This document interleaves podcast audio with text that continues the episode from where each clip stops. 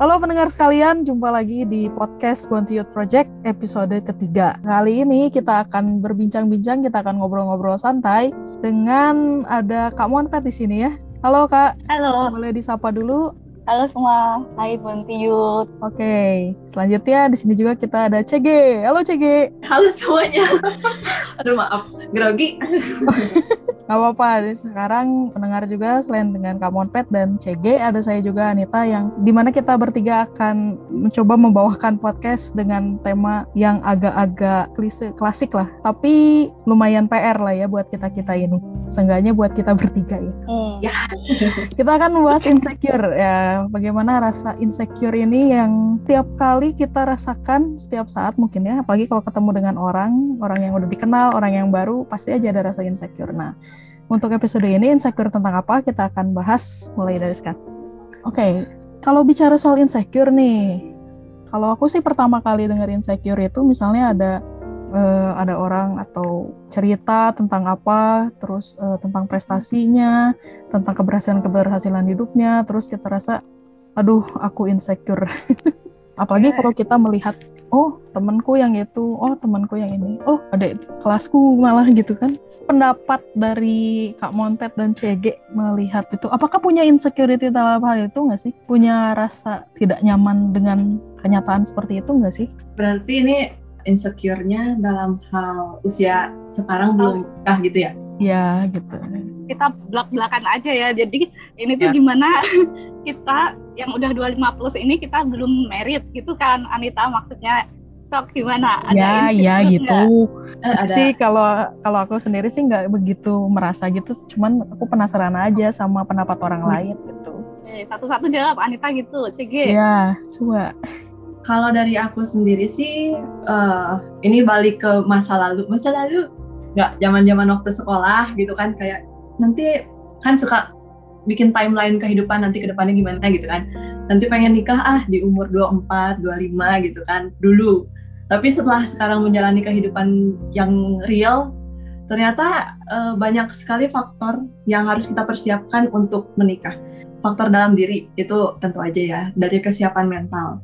Belum lagi masalah finansial yang itu benar-benar harus kita persiapkan karena mungkin banyak orang yang melihat kalau pernikahan itu lebih baik uh, cepat supaya nanti misalnya punya anaknya nggak beda umurnya terlalu jauh. Tapi itu juga tergantung dari gimana orang melihat kehidupan pernikahan itu seperti apa. Karena kalau misalnya aku sendiri mau nikah, tapi masalahnya finansial belum siap gitu sebagai pribadi sendiri ya karena banyak banget yang harus kita persiapkan ke depannya kalau misalnya kita menikah hanya karena melihat pernikahan sebagai kompetisi ngelihat orang lain udah nikah masa gue belum sih gitu kan kalau menurut aku malah nanti kesiapan mental kita yang perlu dipertanyakan. Kalaupun kita bisa mengikuti orang-orang menikah di usia seperti sekarang ini apakah itu benar-benar karena kita siap menikah atau karena kita hanya mengikuti lingkungan kita? Jadi kalau menurut aku sih setiap orang punya hal yang harus dipersiapkan terlebih dahulu untuk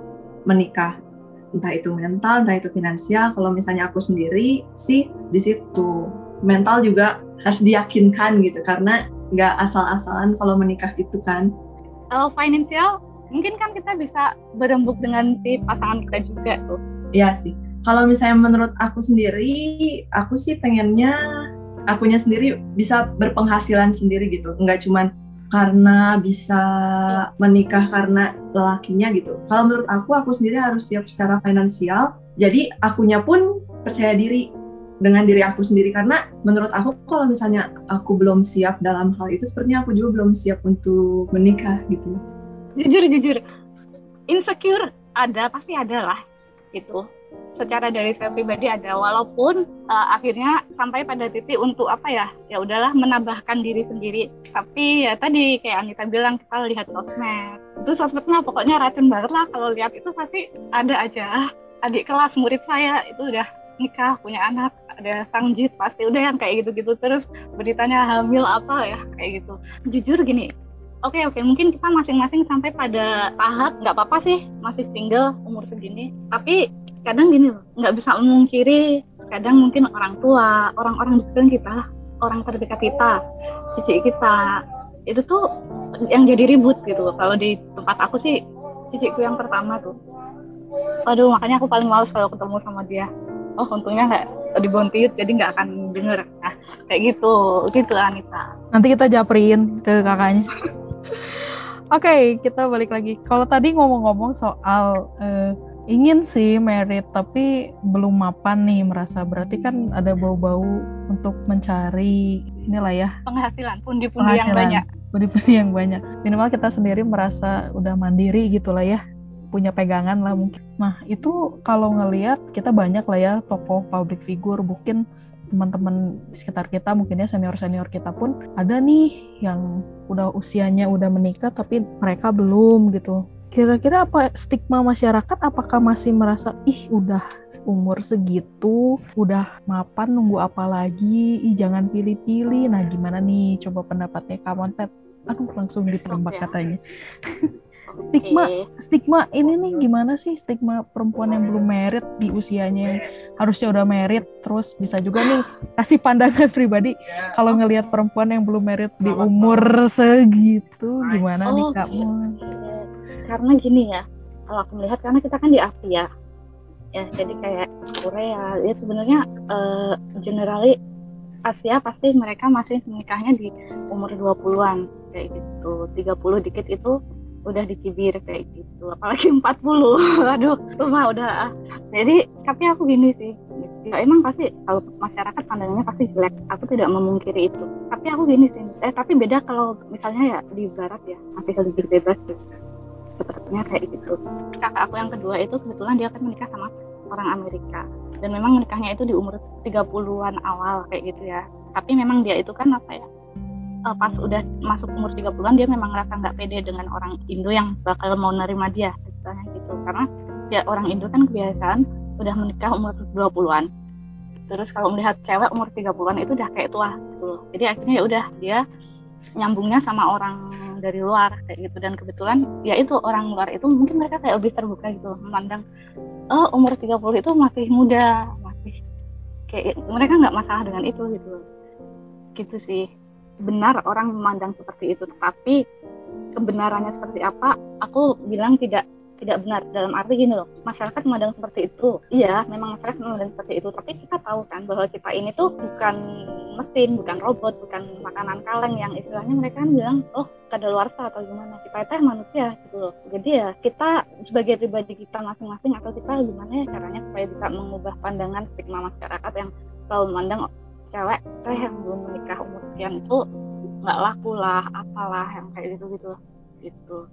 Karena kita tahu lah kebenarannya seperti apa. Jadi nggak masalah lah ya di berusia berapapun men baru menemukan jodohnya itu nggak masalah lah ya. Kalau kalau mau jujur lagi nih nih jujur lagi. Oke deh kita belak belakan aja kita ngomongin tentang insecure belum merit sebenarnya yang bikin insecure itu jujur pertama takut udah nggak cantik ya aku melihat fisik dong. Oke mungkin aku yang 20 30 40 itu akan berbeda-beda. Aku pengen pasanganku tuh melihat aku tuh juga pas aku tuh masih cantik gitu loh. Nggak ya 50 aku udah ya aku dulu pernah cantik loh kayak gitu tuh. Itu pertama. Kedua jujur jujur banget takut nggak bisa punya anak. Kalau wanita kan pasti ada apa sih menopause ya, ya kalau pria kan jauh lebih panjang. Nah mau nggak mau lama-lama mikir gitu juga. Tapi kalau masalah finansial semakin kita berumur semakin mapan. Jadi itu aku nggak terlalu khawatir. Hmm. tapi uh, aku ada cerita lagi nih. Sebelum ke CG aku ada cerita lagi gini. Temenku ada tuh yang nggak merit-merit juga cewek. Tapi ketika dia akhirnya menikah dong di umur 39 dan pasangannya itu seorang notaris pokoknya yang udah bagus segala-galanya. Dan setelah itu mereka menikah punya anak. Langsung uh, enggak jaraknya nggak jauh mereka punya anak dua gitu. Jadi istilahnya Tuhan tuh bisa gitu loh membalikan keadaan yang orang-orang aku yakin sepanjang 30 atau apa yang mulai 30-an ke atas itu pasti orang-orang banyak yang mencibir dia. Tapi Tuhan tuh nggak mempermalukan kita gitu loh. Dia bisa loh mengubah keadaan sampai yang segitunya. Jadi orang-orang tuh kayak wah itu tuh apa ya worth waiting for ya kayak gitu. Jadi ya jangan khawatir lah. Pastinya Tuhan tuh pasti ngerti gitu. Walau nggak semua orang bakal kayak gitu tapi aku percaya apa yang Tuhan kasih itu pasti baik kayak gitu. Kalau toh ternyata memang harus single. Itu namanya the gift of singleness itu pasti nanti juga. Tuhan akan mempersiapkan kita untuk itu. Aku yakin gitu. Tapi kalau kita masih punya desire untuk menikah masih punya seksual jangan pasti ada kalau aku sih sementara mempertanya gitu sih pendapatnya bijaksana sekali ya kita uh, coba deh. belak belakan ya belak belakan ya karena udah umur ya Eh, pengalamannya sudah 17 tahun lah ini sudah banyak ya. Ya, tapi betul sih kita harus percaya lah ya pasti Tuhan kasih yang terbaik buat kita dan kitanya juga bukan menanti tanpa melakukan apa-apa juga mungkin ya. Kita mau dengar nih pendapat yang lebih mau bilang lebih mudah nggak enak. Nggak apa, aku Eh, mau lihat dari sudut pandang CG nih ngelihat. Mungkin eh, teman-teman CG belum terlalu banyak kali ya dibandingin teman-teman gua. Atau enggak CG ngelihat orang lain gitu stigma tentang yang belum merit terus eh, pandangan CG sendiri terhadap tadi kita udah sempat eh, dengar juga sih bahwa mungkin sebelumnya kita punya target oh iya tak umur segini umur segini tapi ternyata tidak seindah yang kita bayangkan yang kita rencanakan boleh dengar pendapatnya nggak Gi? Ini gimana? Kalau misalnya menurut aku sendiri, setuju kata kamu tadi, di umur kita yang udah 25 ke atas, di lingkungan kita itu memang banyak yang menuntut kita untuk cepat menikah, segera menikah dengan alasan entah itu nanti nanti ketuaan atau nanti kalau punya anak terlalu tua gitu keburu menopause dan lain-lain. Stigma itu tuh bakalan terus ada karena memang kita hidup di lingkungan ini gitu. Tapi kalau menurut aku sendiri itu tuh balik lagi kembali ke pribadi kita masing-masing. Kita sendiri yang tahu kita tuh ingin memutuskan akhirnya nanti kita menikah atau untuk single nantinya. Karena kalau menurut aku pribadi orang kan beda-beda ya.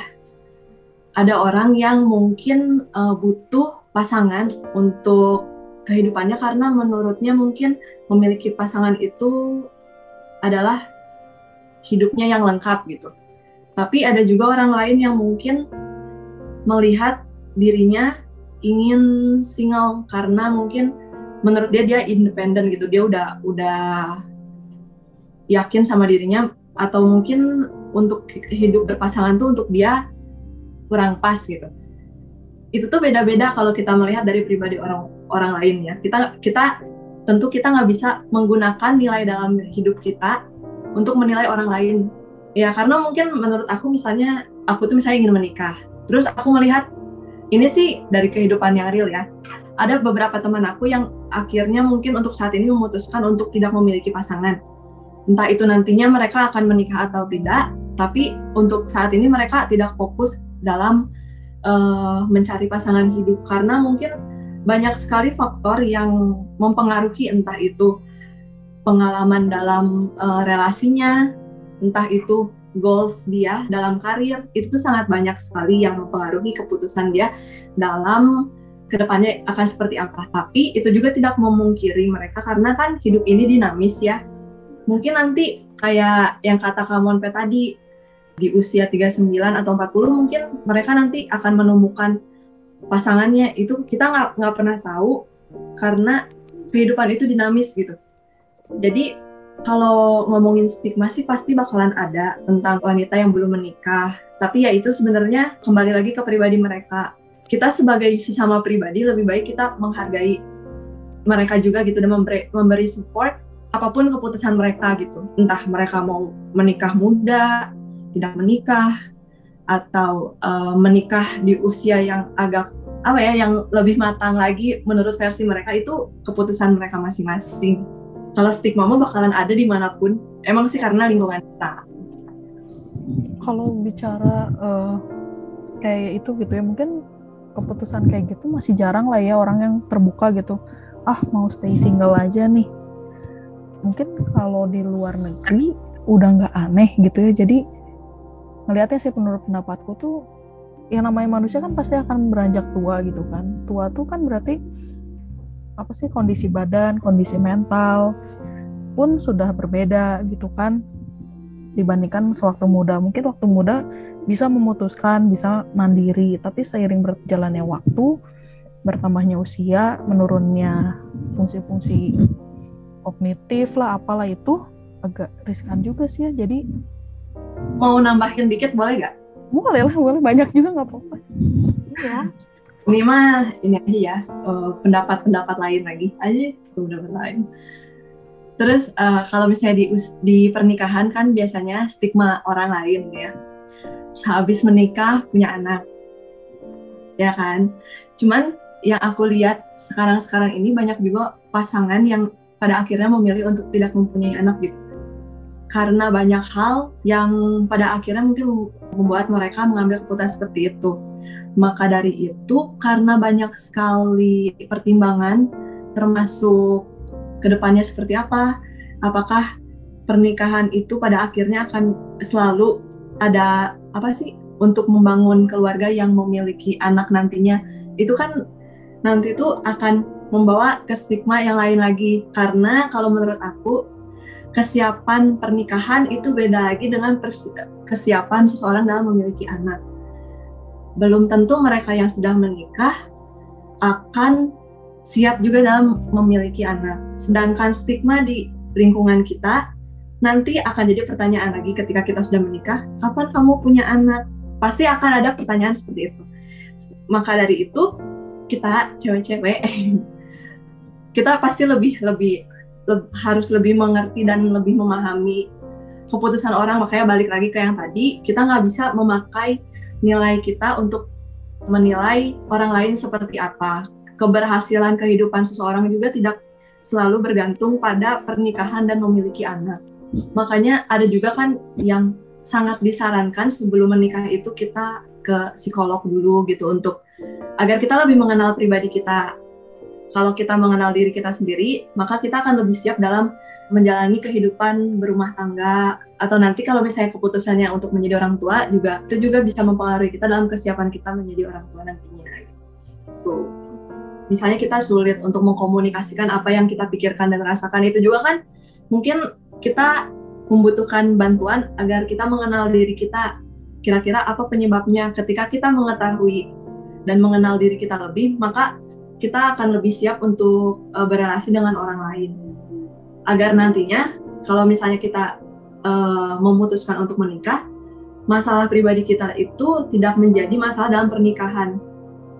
Karena kan kalau misalnya kita berhidup hidup berpasangan itu kan lebih complicated ya maksudnya lebih kompleks juga kan.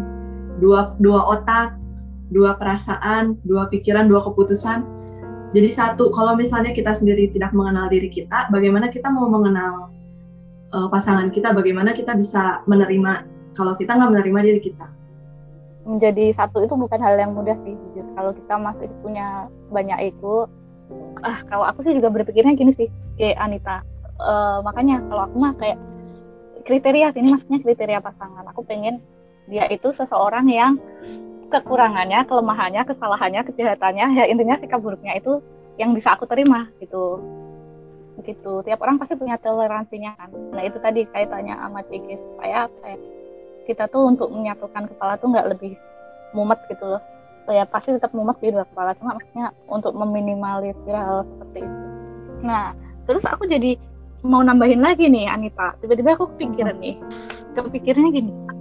Oke, okay, uh, usia tertentu kita mulai merasakan itu tetapi aku ngerasa kayaknya ya kita atau di gereja orang Kristen orang percaya gereja aku ngerasa kayaknya perlu untuk mengajarkan untuk menanamkan bahwa ada yang namanya gift of singleness loh kayak gitu aku dulu pernah diberitahu sih jadi waktu aku curhat ke seorang pendeta intinya beliau bilang bahwa setiap anak muda Kristen itu seharusnya mereka di diperlengkapi, diberitahu, diajarkan bahwa mungkin juga kehendak Tuhan buat hidupmu tuh kamu nggak merit bisa loh kayak gitu. Jadi apa pun kemungkinannya kamu tuh harus siap gitu.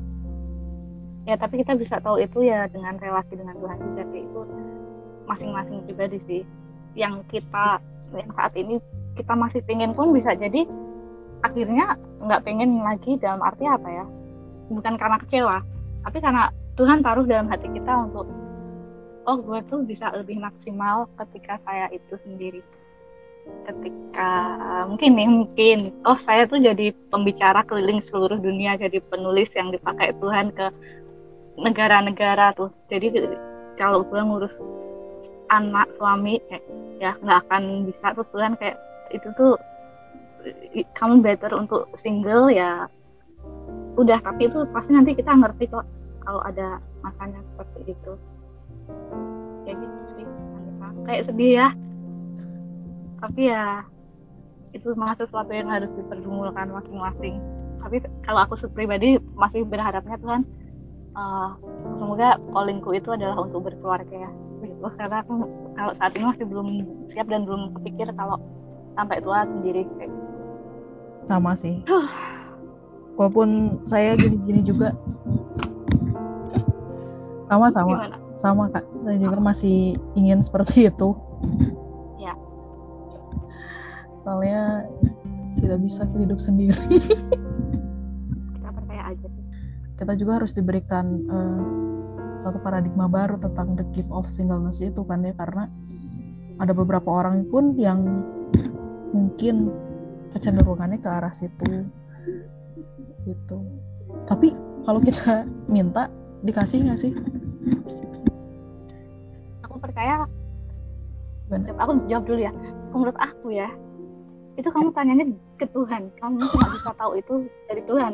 Sungguh sekarang gini aku kasih cerita. Ada yang minta dia dikasih. Ada yang minta tapi dia tetap callingnya give of singleness karena aku pernah dapat cerita juga yang kayak gitu.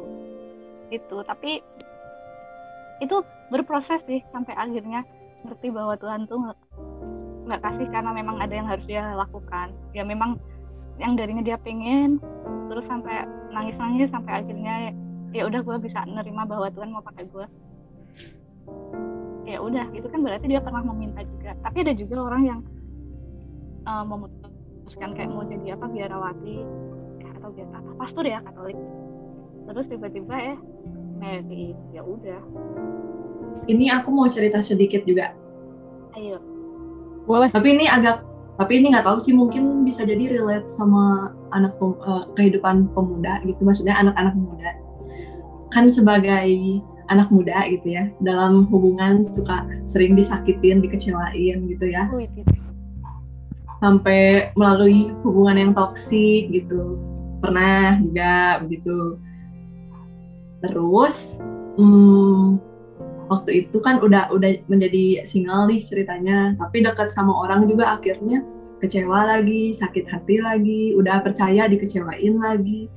Sempet berpikir kayak ya udahlah tuh uh, kalau misalnya emang harus jomblo dulu jomblo dulu aja gitu. Sempat mikir kayak gitu. Fokus untuk diri sendiri tapi nggak menutup kemungkinan kalau misalnya nanti akhirnya dipertemukan dengan seseorang gitu. Lalu tiba-tiba ini mah jadi pribadi aja tiba-tiba taunya Tuhan kasih gitu aku kan kasih seseorang gitu. Jadi ya teng teng teng teng datang gitu kan. Teng teng teng teng. Jadi kayak kayak sesuatu yang tidak diduga gitu. Tapi emang emang diharapkan tapi waktunya tidak diduga kayak tiba-tiba tuh datang terus ternyata puji Tuhannya orangnya baik gitu gitu. Itu tuh emang balik lagi ke Tuhan ke Tuhan kita tuh nggak pernah tahu gitu. Rencana rencana Tuhan atau apa ya uh, itu tuh semua tuh rahasia kayak pas kita memutuskan untuk ya udahlah kayak itu taunya dikasih malah jadi bersyukur banget gitu sekarang. Padahal tadinya kayak ngelihat kayak kok, kok disakitin terus terus kayak udah ngerasa hopeless gitu. Tapi ternyata kan ada gitu orang baik orang baik. Masih ada orang baik di dunia ini yang gitu cuman orang yang mau nggak tahu tah Iya begitu. bertepuk sebelah tangan. Ini curhat semua nih nggak apa-apa lah itu ya. Ini curhat semua. Pasti banyak yang relate kok. Ya udahlah nggak apa-apa lah ya. Buntiut ya, sama-sama ya. nggak gue doang, nggak Anita doang, nggak sama, juga. Sama ini deh, satu lagi. Ini mah lewat juga tadi di pikiran. Yang tadi apa? The gift of singleness. Ah, uh, ya.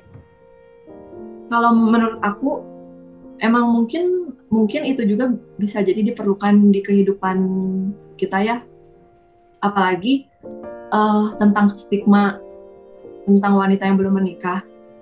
Ini kita bisa dimulai dari kita sendiri.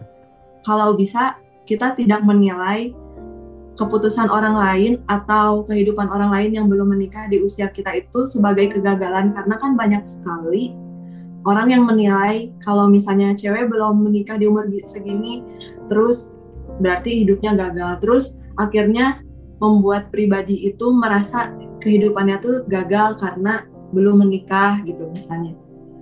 Nah itu tuh harus kita sebagai teman sahabat atau orang yang ada di lingkungan itu lebih baik kita tuh jangan membantu mereka agar mereka tidak melihat kehidupannya itu gagal karena belum menikah di usia seperti sekarang ini gitu. Karena ketika kita melihat kehidupan kita gagal karena satu hal itu bisa berdampak ke goals kita yang lain. Karena udah merasa gagal oh iya ya gagal. Kita tuh beda sama si ini udah nikah.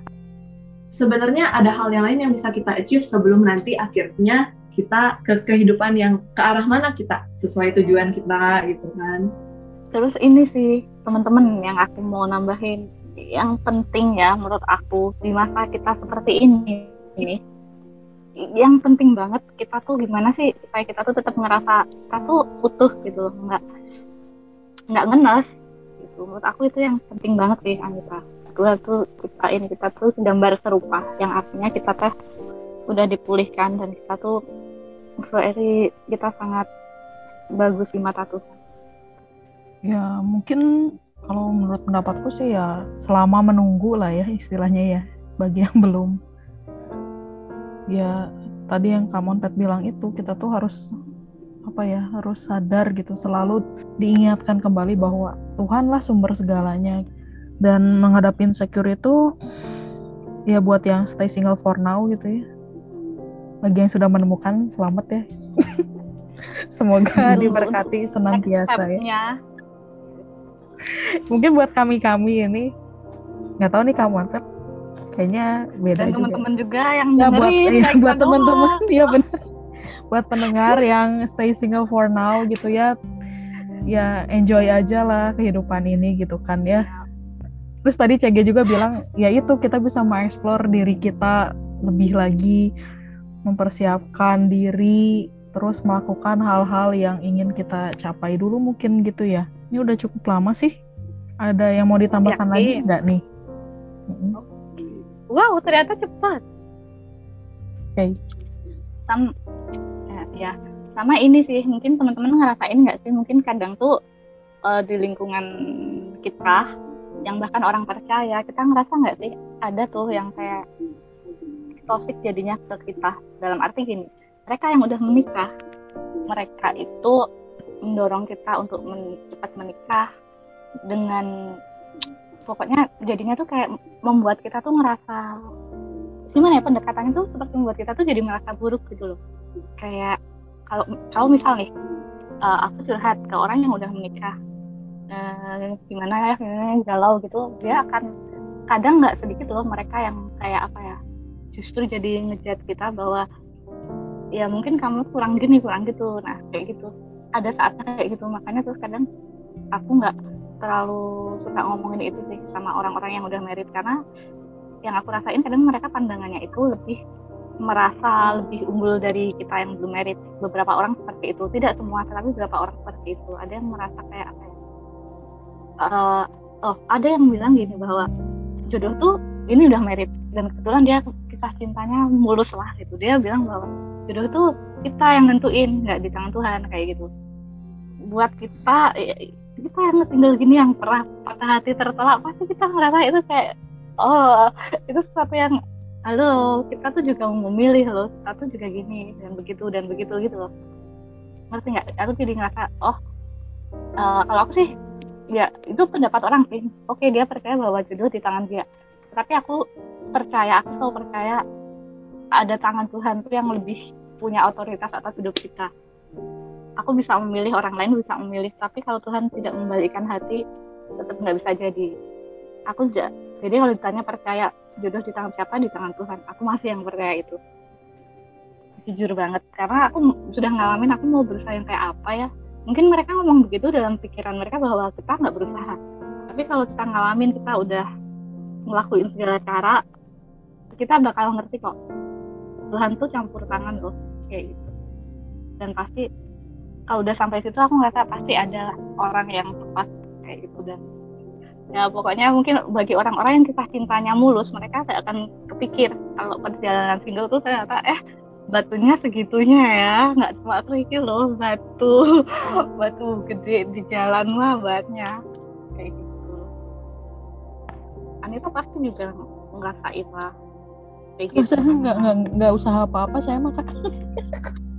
itu membuat saya semakin merasa saya segininya amat ya? Nggak ada nggak nggak nggak nggak maksudnya? Misal misal kamu suka sama orang terus kamu ngelakuin sesuatu itu juga udah usaha gitu aku. Ini mah berarti kalau bukan ini mah balik lagi. Bukan ini bukan penutup sih. Ini mah masih reminder aja buat kita semua. Dari tadi sih yang tadi kita omongin udah kita bicarain gitu kan. Pendapat kita kan beda-beda kita bertiga aja punya cara yang berbeda gitu untuk melakukan apa yang ingin kita lakukan ke depannya khususnya dalam kehidupan pernikahan ini gitu ya. Uh, ke depannya seperti apa.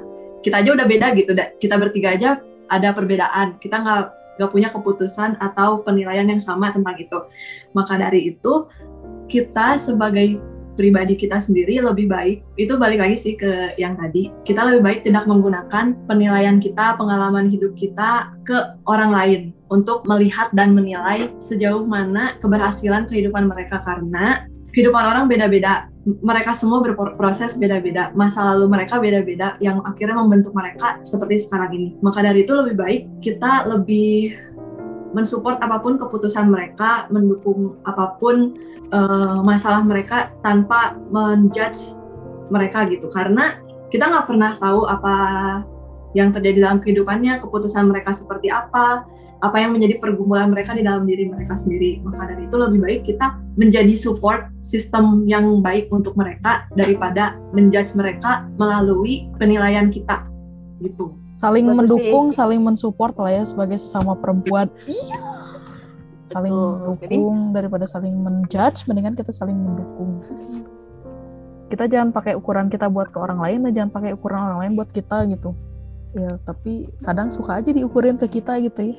Karena tidak langsung. Iya, apalagi otoritasnya lebih tinggi daripada kita gitu.